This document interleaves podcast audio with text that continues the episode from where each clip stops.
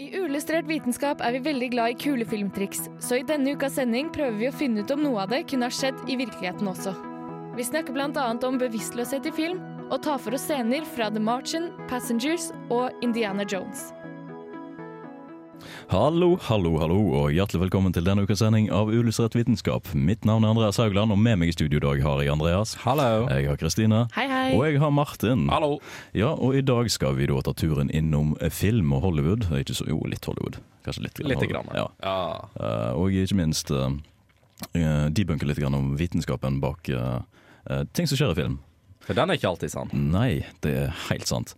Og vi har jo pratet om eh, dette temaet en gang tidligere, for et lite års tid tilbake. Halvannet år? Halvt år? Ja, halvannet år Noe ja, sånt. Halvt til ett år, tipper jeg. Ett til halvannet, heter det på norsk. Mulig.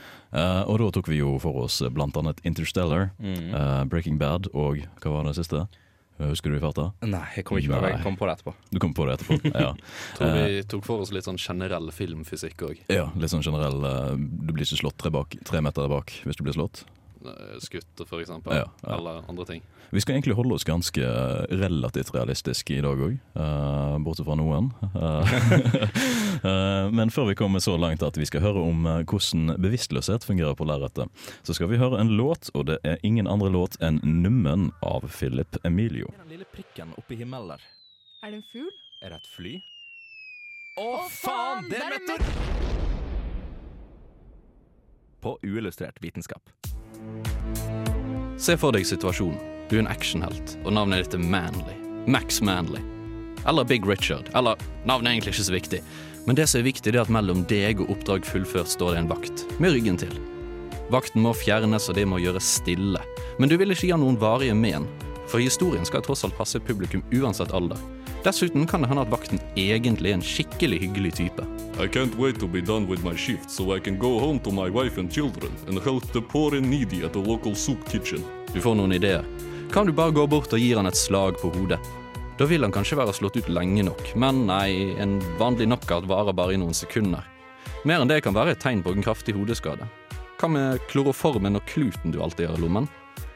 Vel, det vil ta minst fem minutter før vakten blir bevisstløs. Og etter det så kan du ikke gå noen steder uten at du har noen andre til å gi vakten en kontinuerlig dose, og sørge for at luftveiene ikke blokkeres. Heldigvis så har du bedøvelsespiler, men du vet ikke hvor mye vakten veier, eller om han har andre helseproblemer. Så du vet rett og slett ikke hvor mange piler du må skyte i han. Det vil uansett ta tid før pilene virker, så det går vel egentlig ikke. Elektrosjokkpistol, det må funke. Vel, han vil ikke miste bevisstheten med mindre han får hjertestans eller dunker hodet i noe. Og da er vi egentlig tilbake til punkt én. Ja ja, du må nok finne en annen metode. Men du er jo en actionhelt. Du har talentet, og du har smartheten. Han er bare en vakt. Det må nå finnes en annen vei ut av situasjonen. Hello? Who's there? Pizza delivery. I see hands, but no pizza. It's a micro pizza. You can't see it. Hmm. Okay. Thank you. I'll just be going through here. Thank you very much. Thank you. What nice man. Handsome too. He walked straight into my trap. Seize him and put him unattended in the overly complicated and very slow acid laser trash compactor with the obvious technical flaw. And knock him out so he wakes up just in time to escape. Yes. Wait. Knock out! Oh, my solar plexus. Oh, my skull. Oh. Hei, jeg er Knut Jørgen Røde Ødegård. Du hører på Uillustrert, som er eh, like kraftig som en supernova, eller kanskje en hypernova. Like vakkert som en stjernehop, og like spennende som en Venuspassasje. Uillustrert vitenskap. Jo, det er mer for riktig at du hører på Uillustrert vitenskap her på Radio Revolt. Yes. Det her er jo uh, en veldig klassisk uh, altså, problem i film. Kan du dope noen ned med klor, uh, klorofin, klorofen, Kloroform? kloroform? Du kan, men eh, da må du være til stede. Ja, sant. Fordi eh, hvis du ikke er til stede, så våkner han opp med en gang du slutter. Og det som òg er, det er at du må holde haken oppe, fordi ellers så ruller tungen bak og Du dør. blokkerer luftveien. Ja. altså. Du får, nei, da får du faktisk ikke i deg uh, Nei, da våkner han igjen, sant? Ja, sant. Så du må egentlig bare fortsette. Kloroform er egentlig dårlig. Det er veldig Ja. dårlig. Det er veldig dårlig. Altså, kloroform er jo Det, han, det er jo litt sånn 1800-tallsgreie. Det er så 1800-talls. For det var jo brukt den gang som en måte å bedøve folk på. Ja. Uh, Kontinuerlig.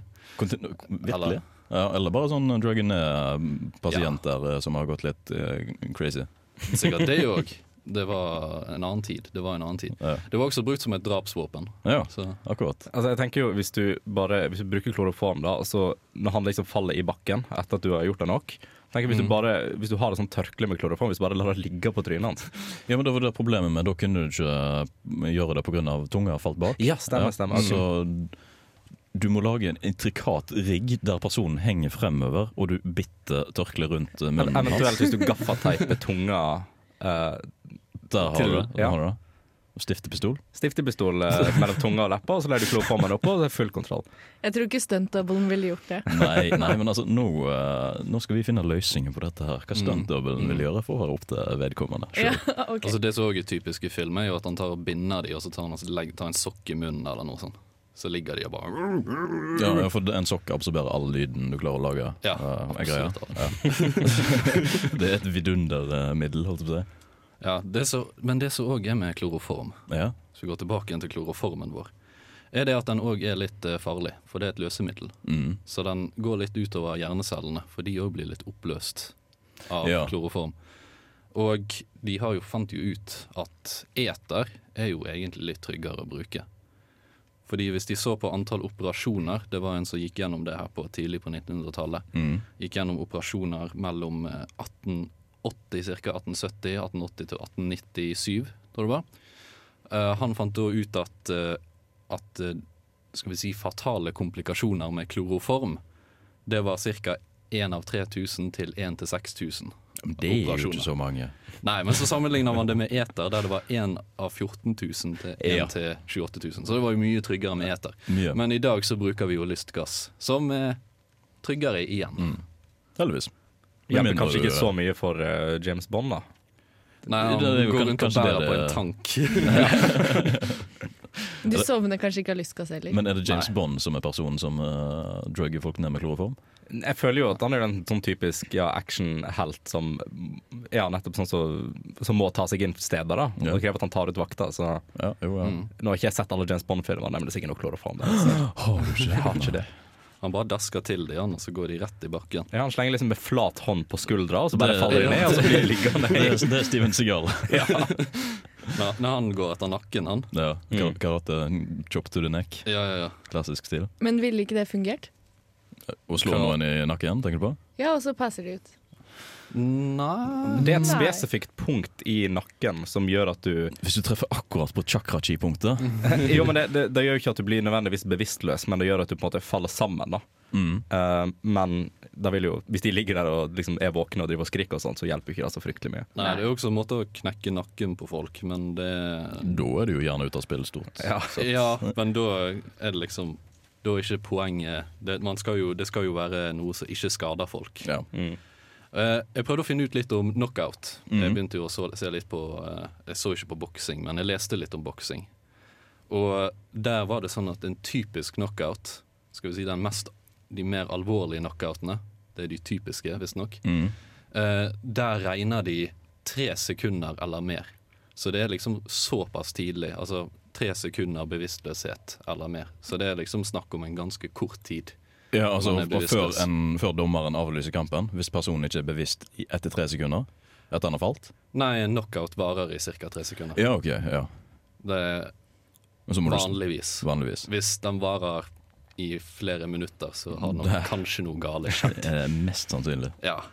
Eh, da har de heller Det som òg er et annet krav, det er jo at siden de er bevisstløse, så husker de heller ikke at de ble slått ned. Nei. si. Det er litt morsomt, morsomt i hermetegn. Hvis du ser på boksekamper, så ser du at folk som gjerne reiser seg, er litt fortumla og sånn eh, Ja. jeg, Nei, nei, jeg gikk ikke i bakken, jeg. Nei, nei, nei. Nei, nei, nei. Ikke i det hele tatt. Hele verden så det på film.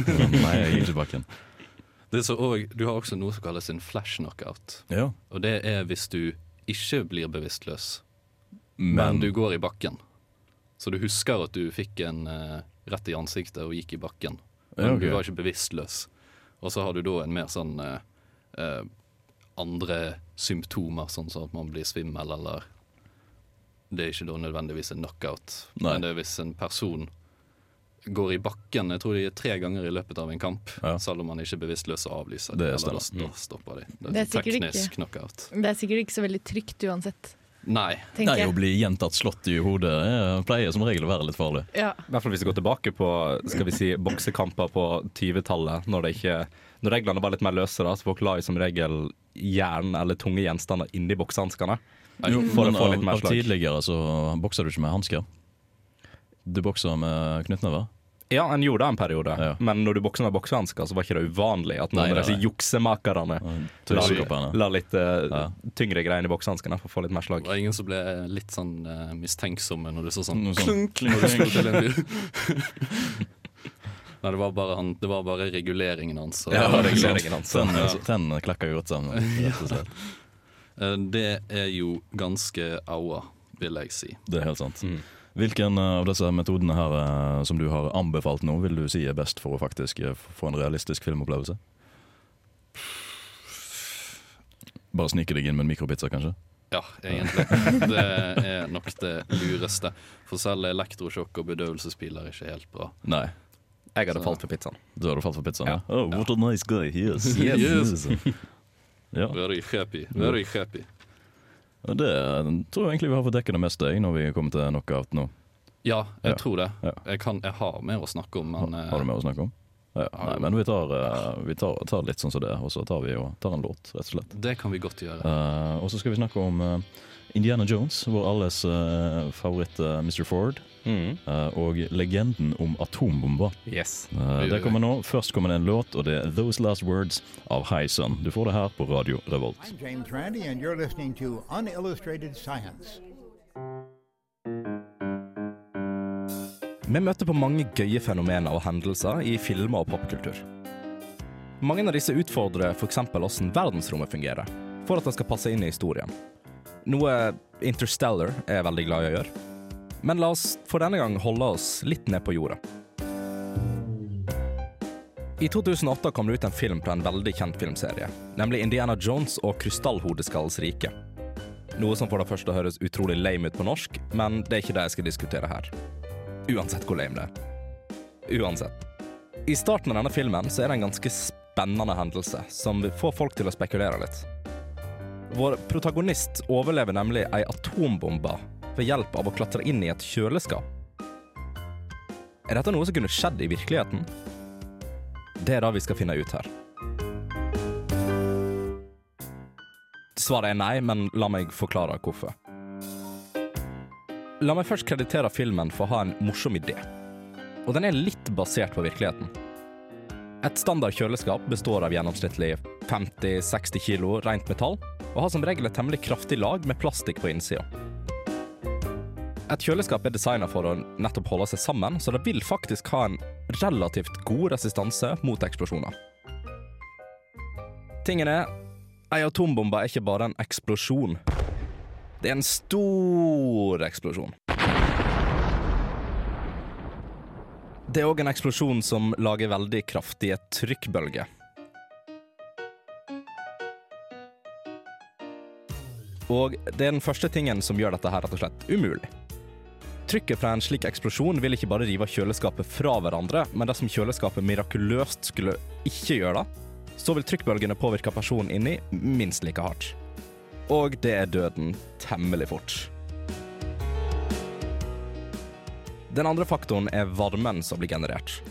Selv om et kjøleskap er designa for å holde varmetemperaturer ute, så vil varmen som blir generert, varme opp metallet i kjøleskapet til en så stor grad at det blir mer eller mindre kokt levende. Men om kjøleskapet mot all formodning skulle overleve nettopp dette her, så er det et litt mer hva skal en si, vanlig problem. Luft. Et kjøleskap, spesielt et temmelig gammelt et som blir vist i filmen, har ingen åpenbare luftehull. Fordi guess what? Kjøleskapet er ikke laga for å ha mennesker i seg. Så om Indiana Jones skulle overleve alt som har med atombomber å gjøre, så vil nok den som åpner kjøleskapet etterpå, finne en temmelig kvelt protagonist som ruller ut derfra. Nevnte jeg òg at radioaktivitet oppstår? Jeg tror den er ganske selvforklarende, men hei. Hvis du finner ut hvordan du bygger et atombombeproof kjøleskap, så si fra. Så stjeler jeg patenten din. This is Alan Moore, and you're listening to Unillustrated Science. Det gjør du. Og Andreas, det er jo, eh, høres ut som en trivelig film, dette her. Ja, altså Jeg anbefaler den. Om jeg anbefaler den? Ja. Nei. Nei. altså i forhold til Nå er ikke jeg den største eh, Indiana Jones-fan og sånt, men det var mange som sier at den er de dårligste. Ja. Jeg tror, jeg tror de sier det er den, ja, den Det- det er kan, den det er kanskje den dårligste. Ja. Ja. Men den er, jo, eh, den er jo full av eh, gøy vitenskap i den Mhm. forstand, Mm. som er fullstendig usannsynlig, som jeg nettopp har, ja. nevnt. Altså, kjøleskap er ikke akkurat et atombombe-hideout-shelter. Nei, altså det vil si jeg ville valgt den fremfor alt det andre i huset. Jeg ville ikke gjemt meg i mikrobølgeovnen eller noe sånt. Nei, men, eh, nei, nei, nei.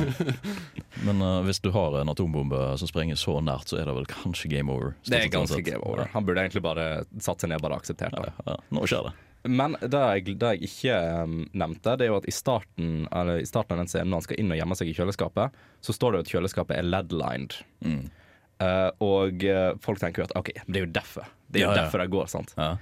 Tingen uh, er at ja, altså, bly i den forstand kan beskytte mot radioaktiv stråling. Mm. Så det er jo veldig fint. Det er jo litt sånn Det kan vann òg. Det kan vann òg. Faktisk bedre, vil jeg tro. Veldig mye bedre. Ja. Eh, og de tenker ja, så, Jeg spørs hvilken type stråling, selvsagt, men uansett. Ja, uh, så uansett, ja, den er lead-lined, så den tåler radioaktivitet, null stress.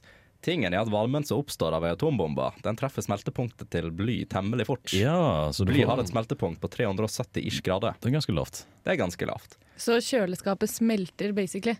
Metallet smelter ikke nødvendigvis. Nei. Uh, da vil det selvfølgelig bli såpass varmt at han vil jo kokes levende. Det er som en ovn. Det er som en ovn. Men uh, bly er jo et metall, da. Mimi. men, ja, ja, Hvis jeg uansett. ikke tar helt feil. Det stemmer. Det er veldig, veldig riktig. Uh, så den såkalte lead-lined delen vil jo egentlig bare være flytende tøys, så egentlig bare åpne opp kjøleskapet enda mer til Ja. radioaktivitet. Oi. Så jeg vil si at det faktisk har motsatt effekt av det det var antatt å ha. da. Bare Hei, kom og ta meg. Ja. Rett og slett. Men tror du dette var den eneste teite vitenskapen i den filmen? Nei, Nei. det tror jeg ikke. For jeg tror du har mer på lager. Jeg har mer på lager. Åh, Og tingen er at de har jo en såkalt eh, krystallhodeskalle som de viser frem i hele filmen. Og i løpet av forskjellige scener så viser det seg at den er tydeligvis magnetisk.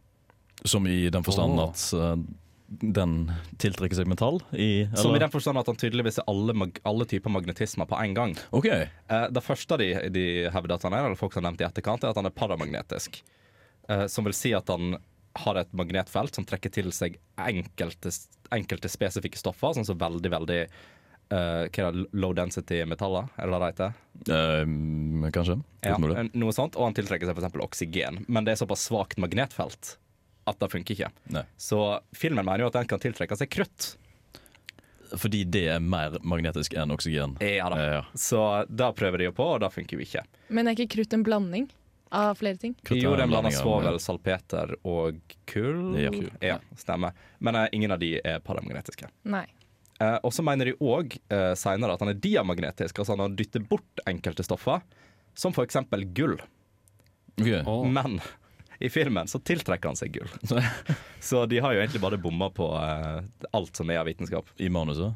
Ja, i manuset. Ja. Uh, så ja, ting oppfører seg Egentlig alt så langt har oppført seg motsatt av det det skal være. Mm. Så, eh, og i tillegg så mener du at magnetismen er såpass sterk at han på et eller annet tidspunkt så Det er snakk om vanlig magnetisme, da, som et tall. Uh, De bøyer seg fremover, og plutselig dogtagser til noen. Begynner å feste seg fast. Mm. Men det var ikke, tydeligvis ikke kraftig nok til at uh, f.eks. beltet festet seg fast. Det Nei, er sånn men- selektiv magnetisme. Selektiv magnetisme som oppfører seg ulikt fra metall til metall. Ja. Ja, Og det er jo sånn, Magnetisme i seg sjøl oppfører seg jo forskjellig fra metall til metall. Det gjør jo det. Men det er litt sånn veldig teit måten de gjør det på. Da. Ja. Eh, og så kommer jo en til eh, denne fine scenen som jeg eh, Den viste jeg vel nettopp til dere før vi stakk på lufta. Den fine Ja. maurscenen. Den var hyggelig. Ja. Sånn fam eh, familievennlig scene. Veldig familievennlig Ja. scene når uh, maurene bestemmer seg for å flokke opp og angripe. Eneste de, som de skal ha som er OK vitenskap der, det er at enkelte typer magnetisme og sånt eh, med elektromagnetisk felt, de kan liksom påvirke dyr og insekter til å liksom styre unna. Noe som faktisk skjer i filmen. Mm. Tingen er at disse maurene her, uh, drumroll, de finnes ikke. Takke Gud for det, holdt jeg på å si. De er veldig store maur. Det var ganske store maur. størrelsen er ikke problemet. Nei. Det finnes så store maur. Oh, ja. Eh, men de finnes ikke Men de finnes ikke i Sør-Amerika. Nei, hvor finnes de? De finnes i Asia og Afrika. Nå, hyggelig. Ikke dra dit. Nei, så ikke dra dit. Men tingen da at en maur, eller en, ei tue med maur, da, skulle bestemme seg for å liksom drive og klatre inn i munnen på folk og begynne å dra de rundt, de er sterke nok til å Mm. kunne bære såpass store ting som folk. Mm. For at det blir jo på et tidspunkt så blir han dytta ned i tua for å bli fortært, for å si det på fin måte. Men det er jo mange, så det Ja. gir mening at de klarer å bære. Ja, de mener at de klarer å bære han, men denne typen maur, de er ikke Altså, de, de spiser jo kjøtt, men de, de spiser ikke mennesker i den forstand. Herregud. Det Den, den, den typen maur som finnes i Afrika og Asia, de angriper folk. Uh, og de kan, de kan være farlige i store mengder, men ikke så farlig som de vises i filmen. Heldigvis. Nei, heldigvis ikke. Men det, det var det om Indiana Jones. Eh, Vi skal faktisk ta turen ut i verdensrommet om litt. Men før vi kommer så langt som det, så skal vi høre en liten låt. Det vi skal ut et, og snakke om etterpå, er vann i null tyngdekraft, blant Mhm. annet. Og så skal vi snakke om eh, en av mine favorittfilmer og bøker, The Martian. Før vi kommer så langt, så hører vi låten Palm Tree av Selmer. Tyngdekraften. Å ja, han har jeg hørt om. Galileo Galilei. Det er jo for godt til å være sant. Lars Monsen. Dette setter jeg pris på, ass. Tycho Brahe. Mm. Ah. krass fysikk.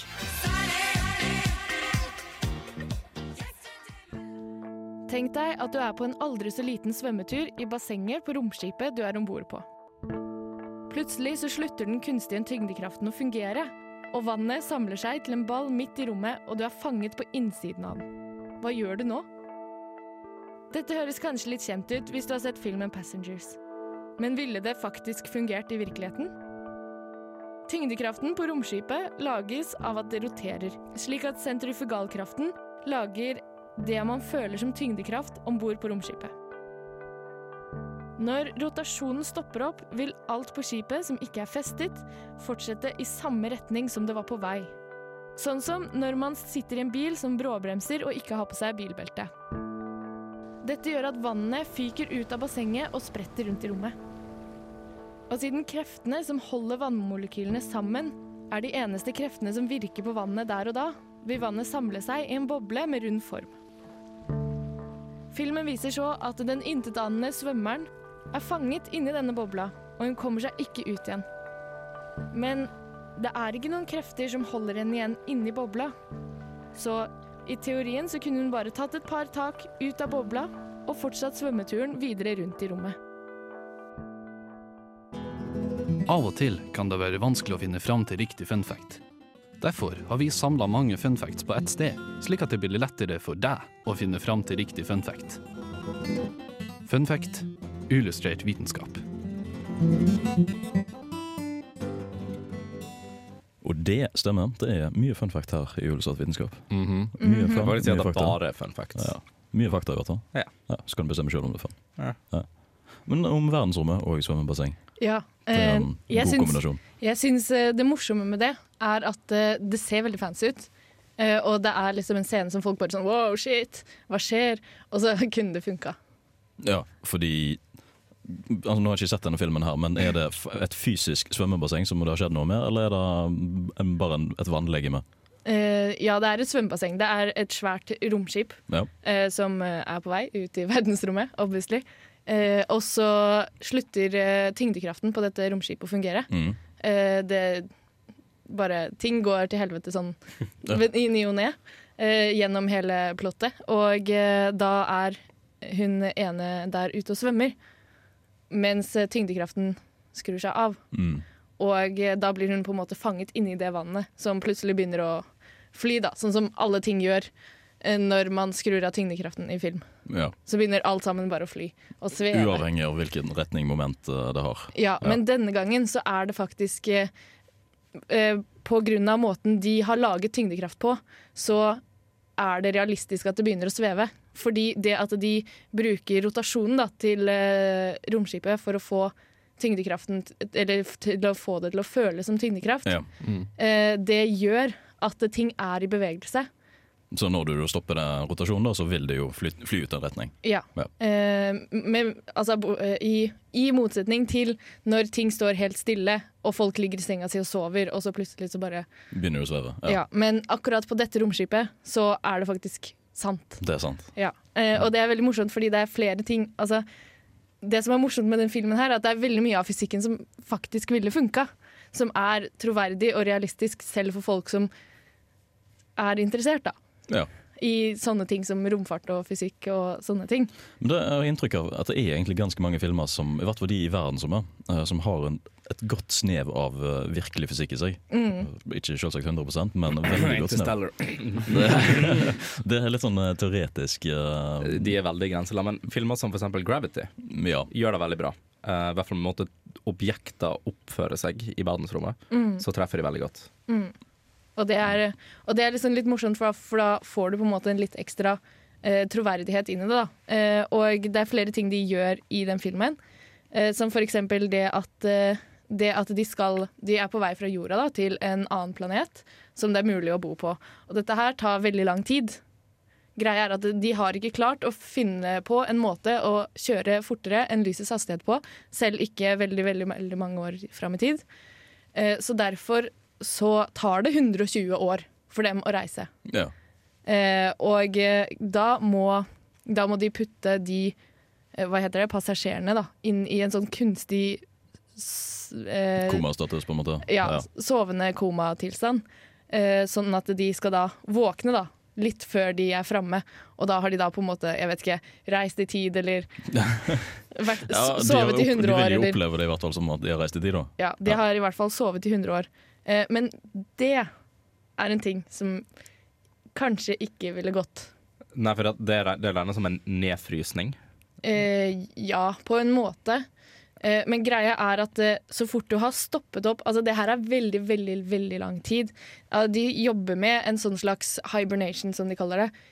Til, som for eksempel hvis noen skulle reist til Mars, da, eh, som er en lang tur, men det er ikke 100 år lang tur, liksom. Nei. At du kunne ha stoppet opp en del av kroppens fysiologiske prosesser for å få den til å bruke mindre energi, og puttet på en måte mennesket i hi. Det driver de og forsker på og prøver og får sånn cirka til. Men å gå forbi menneskets levealder med den teknikken Der begynner det å bli litt sketchy. ja, eh, da, begynner du, da begynner du å liksom gå liksom over hva som egentlig er mulig. Da. Eh, og de har jo gjort det Man ville jo ikke kunnet gjøre det på den måten som de gjør det på ekte. Men eh, de har jo da tatt seg en del kunstneriske friheter for å få det til å se kult ut. Da. Ja. Mm, men eh, det er veldig mye av det. Altså, det er eh, et par ting også som ikke helt stemmer. Det er sånn småtteri, da. Ja, men det, er mye pirk. Martian har i hvert fall nesten kun pirk. Ja, Så vi, vi skal pirke litt. Grann. vi skal pirke litt. Vi skal pirke mye. Ja, og altså, det jeg, jeg er syns det hadde vært mye mye verre hvis de heller uh, liksom fjerna At distansen mellom planetene var mindre, da, så liksom slapp de å fryses ned, eller hva de gjør. Hvis de hadde tatt seg den friheten, da hadde jeg blitt sint. Ja. Så jeg, jeg, det, er, det er helt greit, Ja. siden det faktisk er noe som ja, teoriseres nå. Mm, ting, som faktisk, ting som faktisk kunne vært mulig, Mm. eh, hvis man har den rette teknologien for det. Eh, men det, det som skjer i filmen, da, er at romskipet treffer en masse asteroider samtidig. Eh, sånn som de kjører gjennom et asteroidebelte eller et eller annet sånt tull. Som gjør at de kommer i en sånn steinsky, og så er det en av disse steinene som treffer da romskipet.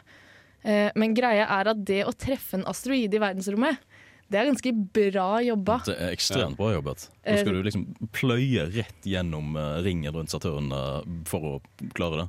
Ja, og, og det å være så nærme et så stort objekt med så mye masse som en planet med ringsystem, Mm. det vil jo autopiloten ha unngått ganske lett. Eh, Så det at de skulle oppstå, at det problemet skulle oppstå i det hele tatt, det er liksom sånn Ja ja, du kunne jo ha vært uheldig og blitt truffet av en asteroide, men Oddsen er der definitivt ikke. Nei, Nei. oddsen er veldig, veldig lav. Eh, men eh, hvis vi skal, hvis vi skal eh, Det at den asteroiden treffer, da, det gjør at flere ting slutter å funke. Eh, sånn som datasystemer, for den treffer en datacomputer, et eller annet. Og den slår ut, ja, Selvsagt så har de ikke redundante datasystemer for backup. Det har de selvsagt ikke. Eh, de har et ganske bra backup-system, sånn som jeg har forstått det. Ikke Ja. det at jeg er sånn veldig kompetent på data, men så er det slik at alle systemene samarbeider. Så hvis noe skulle skje med den viktige computeren, så vil den ta prosessorkraft fra de små. For alt dette her er AI og Mm. kunstig intelligens og ting som funker på egen hånd. Og de har liksom litt prosessorkraft alt sammen, og alt er koblet opp i et stort nettverk. Og så hvis det skjer noe med den store computeren, det, det skjer. Uh, så mye skal jeg spoile, liksom. Så stjeler den prosessorkraft fra uh, de små tingene. Sånn at sånn småtteri bare slutter å funke. og så større og større ting da, slutter å funke etter hvert som det blir mer og mer alvorlig med den feilen som skjer i den store datamaskinen. da. Eh, og at det skjer sånne ting som at uh, tyngdekraften blir ødelagt, og Ja. at uh, den skrur seg av, og at uh, ting krasjer i veggene og sånne ting, da. Foruten om at du nå har debunka alt av vitenskapen i den filmen, ville du anbefalt den? Ja, Ja, dere burde se den. Verdt å se. Det, den er ganske eh, vitenskapelig riktig. Ja, det er Ja. bra. Kan vi ikke få en eh, film om verdensrommet der alt går fint? Nei, nei, nei. Det skal være spenning. Derfor er det sånn kjedelig. Ja, nå filmer vi noen i tre timer, og de kjører tre timer av turen til Mars. Er det bare jeg som har hatt, det kjekt med det? Mest sannsynlig. Kanskje det. Ja. Nei, men eh, Det går jo ganske bra i The Martian. Og speaking of which, which eh, vi skal høre litt om eh, nettopp den boken og filmen. Før vi kommer så langt som det, så skal vi høre en låt, og det er Jesse med Frankie Cosmos. So, this is Richard Wiseman, author of 59 Seconds, and you are listening to Unillustrated Science. Enjoy. Poteter, Guds gave til menneskeheten. Potatoes. Boil them, mash them, stick them in a stew. Man kan gjøre hva man vil med dette fantastiske produktet, sammensatt av kalorier, karbohydrater og proteiner. Og som Mark Watney opplever i boken og filmadopsjonen The Martian, kan det være et fundamentalt element i et kvart måltid dersom det bare er dette du har tilgjengelig av mat. Det er ikke bare poteter The Martian er kjent for, men også det at boken er blitt hedra for å være en av de fiction-bøkene som ligger nærmest virkeligheten når det kommer til fysiske premisser.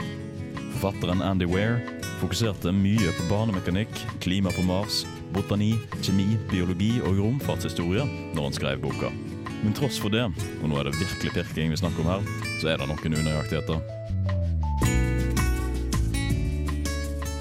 Mars er som kjent planeten som ligger nærmest jorda, samt den planeten som har størst sjanse for å kunne støtte liv. Det er en planet med en tynn atmosfære, svak tyngdekraft, en dagssyklus på litt under 25 timer og en gjennomsnittstemperatur på 60 grader celsius minus.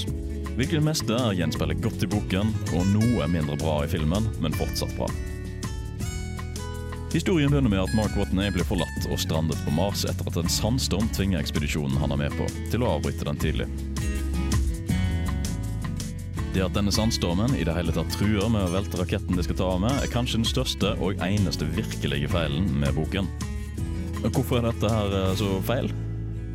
Det er ikke fordi at eh, på Mars så finnes det ingen sandstormer. Det er derimot pga. hvor høyt vindhastighetene på Mars kan nå, og i aller største grad atmosfærens tjukkelse. Vindene på Mars når en gjennomsnittshastighet på rundt 25 meter per sekund, under halvparten av orkanvindkast her på jorda. I tillegg så er atmosfæren rundt 1% så tett som jordas. Dette betyr at de dynamiske kreftene som vinden eventuelt ville hatt med seg, er langt svakere enn på jorda, og definitivt ikke sterke nok til å kunne true med å velte en så massiv rakett. Watney står også foran utfordringen med å få nok vann til å lage nok dyrkbare jord, til å dyrke nok poteter, til å ha nok mat til å overleve til redningen kommer til planeten. Dette er noe han løser veldig enkelt ved å brenne hydrogen og oksygen sammen, som skaper en vanndamp som et biprodukt. Fungerer dette? Ja, absolutt. Har det noen ulemper? Å ja, absolutt. Å brenne hydrogen i en oksygenrik atmosfære er å be om trøbbel. Boken utfordrer også andre problemstillinger. Som bl.a. om man trenger et hardt fysisk deksel på toppen av rakett for å ta av ifra planeten. Kan man lappe igjen et telt ved hjelp av gaffateip? Er det mulig å overleve på en diett hovedsakelig bestående av én ting? Og ikke minst, kan man dyrke poteter på Mars?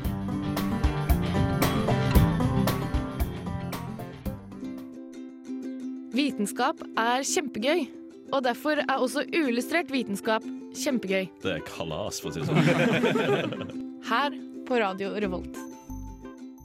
Og det var jo The Martian. Uh, vi er jo ikke helt ferdige å prate om det, for nå skal vi faktisk begynne å prate om litt de andre tingene enn det som alle sier at er det teit Eller det er jo ikke teit, herregud, for det er jo bare et uh, filmatisk virkemiddel. Du må jo ha noe som gjør at Mark Watney er stranda på planeten. Mm. rett og slett. Og det er denne stormen her. Som jeg nevnte, så har stormen kun uh, Har ikke den like mye krefter som den ville hatt på jorda. Og absolutt ikke nok krefter til å kunne velte en rakett som står stødig, forhåpentligvis. Så du kunne ikke hatt ekstremvær På samme måte som vi har på jorda. Du har ekstremvær altså i den forstand at det blåses opp sand og ting kan flytte på seg, og sånne ting som det, Mm. men ikke med de samme kreftene som på jorda. Ja. Med en atmosfære som er på rundt 1, eh, 1 av jordas tetthet, atmosfærens tetthet da, selvsagt, ikke jorda sjøl, så snakker vi om at eh, det er bortimot en hundrededel til en sekstiendedel av effekten som en storm ville hatt på jorda. Ja, det er ganske lite. Og da når du snakker kun 25 meter per sekund, så er det Ja, Da er vi nede i lave tall. Ja. Ja, det er vel storm. ja rolig storm. Ja. Det er Elgesetergata. ikke sant. Uh, og så er det det Han velger jo her å skape seg vann, for han må jo få seg nok vann til å kunne dyrke poteter. Og det å lage dyrkbar jord er noe som krever veldig mye vann. særlig det å Altså, på Mars er det jo tørt. Det er veldig tørt klima. Men jorda består av en viss prosentmengde maten. Det er rundt 5 eh, alle andre steder enn på polene. Der er det rundt 60% Men det han gjør, er at eh, med seg opp så har han sendt opp et stort reserve med eh, hydrasin, heter det. eh, Rakettdrivstoff.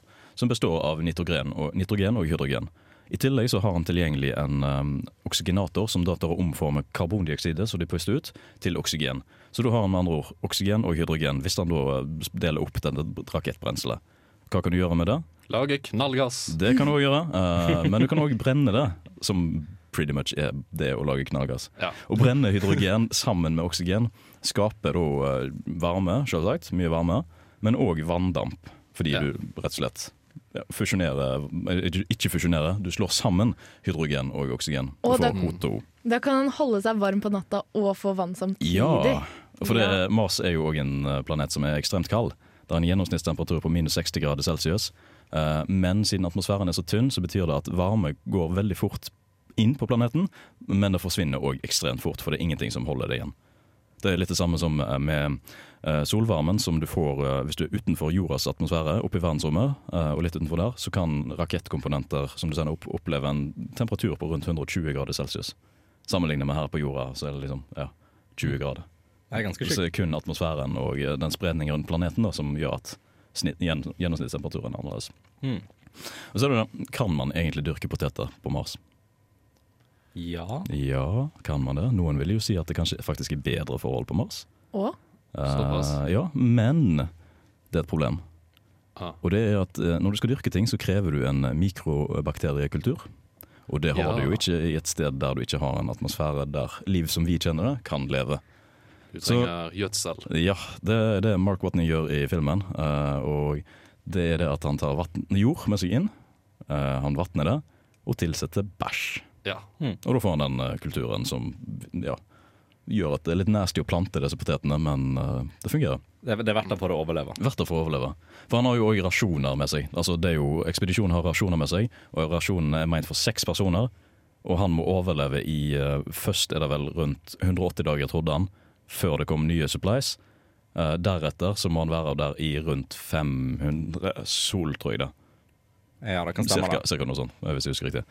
Uh, og det å kunne strekke uh, rasjoner som skulle vare i seks uk nei, tre måneder over så lang tid Du blir ganske tynn. Uh, Ja, det er det som er altså. Ja. For du klarer ikke å dyrke nok poteter heller. I begynnelsen så må du ha en viss tid før du kan i det hele tatt begynne å spise poteter. Og i mellomtida må du kun leve på rasjoner eh, som du har med deg. Deretter kan du begynne å blande det ut, og så til slutt sitter du igjen med mest sannsynlig kun eh, poteter. En potetbasert diett. Mm. Pluss han var jo ikke akkurat så utrolig heldig. Hvis jeg husker filmen rett, så var det vel en liten storm som blæste opp hele teltene, så gjorde at en del av eh, potetåkeren forsvant. På grunn av en trykklekkasje i, uh, i teltduken. Stemmer, stemmer. Det hadde heller ikke vært så eksplosivt som du ser i filmen eller boka, av den uh, atmosfæren som er tiltenkt at er der, da. Men hadde det vært nok til å måtte rive opp da teltet? Ja, det hadde det. Eh, for atmosfæren sånn som den er i virkelig form, hadde vært nok til det. Men den som er tiltenkt av Andy Weir for å lage denne scenarioen her, hadde ikke vært så eksplosiv og voldsom som den faktiske. Så kunne chilla bitte litt. Kunne chilla litt. Grann. Men, men litt av det jeg merker jeg lurer på um, angående filmen um, Da at han bruker Han bruker vel Curiosity eh, for å prøve å kontakte jorda igjen. Mm. Ville det funka? Det ville funka så lenge du har en måte å sende energi til uh, dronen, eller roveren, heter det på finnorsk. Mm. Uh, og det har han jo i den forstand at han finner et batteri, eller en atom, uh, liten atomreaktor, som de har med seg på ferden. Greit å ha. Mm, og i tillegg til at alle komponentene ikke hadde fungert, så ville det fungert. For det en, han har jo en radiosender, og den radiosenderen kan nå jorda. Mm. Den er jo der for å kommunisere, altså kommunisere fram og tilbake. med Ja, naturligvis. En annen ting som er også med mm, Her er jo at han i slutten av filmen sendes opp med en rakett som han har strippa helt for ting. Han har kun en duk foran eh, raketten, og så sitter han i nesen og kjører opp. Ja. Eh, det hadde mest sannsynlig gått, faktisk. Oi. På grunn av at atmosfæren er, atmosfæren er så tynn. Så Ja. du får ikke det samme store presset her eh, som du ville fått i en oppskyting på jorda. Du har ikke den samme luftmotstanden, rett og slett? Nei, Ah. det er helt sant. Eh, nå begynner vi å gå litt tom for tid, uh, men uh, potet. Potet. Du kunne kanskje klart det. Hvis du, hvert fall hvis du hadde hatt en diett som besto av poteter og søtpoteter, så kunne du klart å overleve på det veldig lenge. Huh. Da er det stort sett de to eneste vitaminene du mangler, er B12, som du får fra fettsyrer fra dyr, og D eller K. Nå husker jeg ikke helt. Det var en av de to. Så du Det- foreslår et uillustrert eksperiment? Andreas Riple spiser poteter i et år. Med litt ketsjup. Nei, det er juks. Det er ikke lov. Det er juks. Uh, ja. Lurer dere på noe mer med poteter? Er kunne du hatt et alternativ til poteter? Uh, vet du hva? Nei. Nei. Potet er faktisk det nærmeste vi har funnet, eller det jeg fant i dag. var eneste. OK, Ja, kult. Potet er best. Potet er best. Poteter ruler. Eh, nå nærmer vi oss slutten, men vi skal høre en liten låt før vi kommer så langt som det, og det er låten 'Håp' med norsk Hey, this is Phil Plate from Bad Astronomy, and you are listening to Unillustrated Science on Radio Revolt because science is awesome. Tusen takk, Phil Plate. Og med det så må vi jo dessverre si at det var alt vi rakk eh, for denne gang. Jeg skulle gjerne hatt veldig veldig, veldig mye mer tid til å snakke om poteter, for jeg er veldig glad i poteter. Det, det er nok uh, rar filmvitenskap der ute som trenger en saftig debunking, Ja, rett og slett. det. Vi valgte ganske rolige filmer egentlig denne gangen. da. Det var sånn lett å bevise eller motbevise, følte jeg. Altså, argumentere for det i hvert fall. Sånn, uh, neste år, da, når vi kommer tilbake med debunk-episode nummer tre, så får vi heller ta og kjøre litt mer avanserte greier. Ja, rett og slett. Gjør det sånn. Ringenes herre, er det mulig? Ringenes herre. Star Wars. Ja. Men med det så sier vi adjø for oss. Eh, Hvis dere har lyst til å høre noen av sendingene våre, så ta en tur inn på radiorevolt.no. Sjekk ut Uillustrert vitenskap der, eller andre programmer. Vi ligger også på Spotify, eh, og der kan du høre alle sendingene våre fra høsten 2017 til nå. Veldig lett tilgjengelig, veldig lett å anbefale. Eh, Dersom dere har noen spørsmål til oss, så ta gjerne turen innom Facebook-siden vår og gi oss en like der. Send oss en melding. Kanskje vi svarer på spørsmålene dere kommer til å stille oss. Garantert. Garantert. Med dette så vil jeg dermed runde av dagens sending, og mitt navn har vært Andreas Haugland som vanlig. Med meg har jeg hatt Andreas. Ha det bra. Jeg har hatt Kristine. Ha det bra. Og jeg har hatt Martin. Ha det bra. Takk for oss.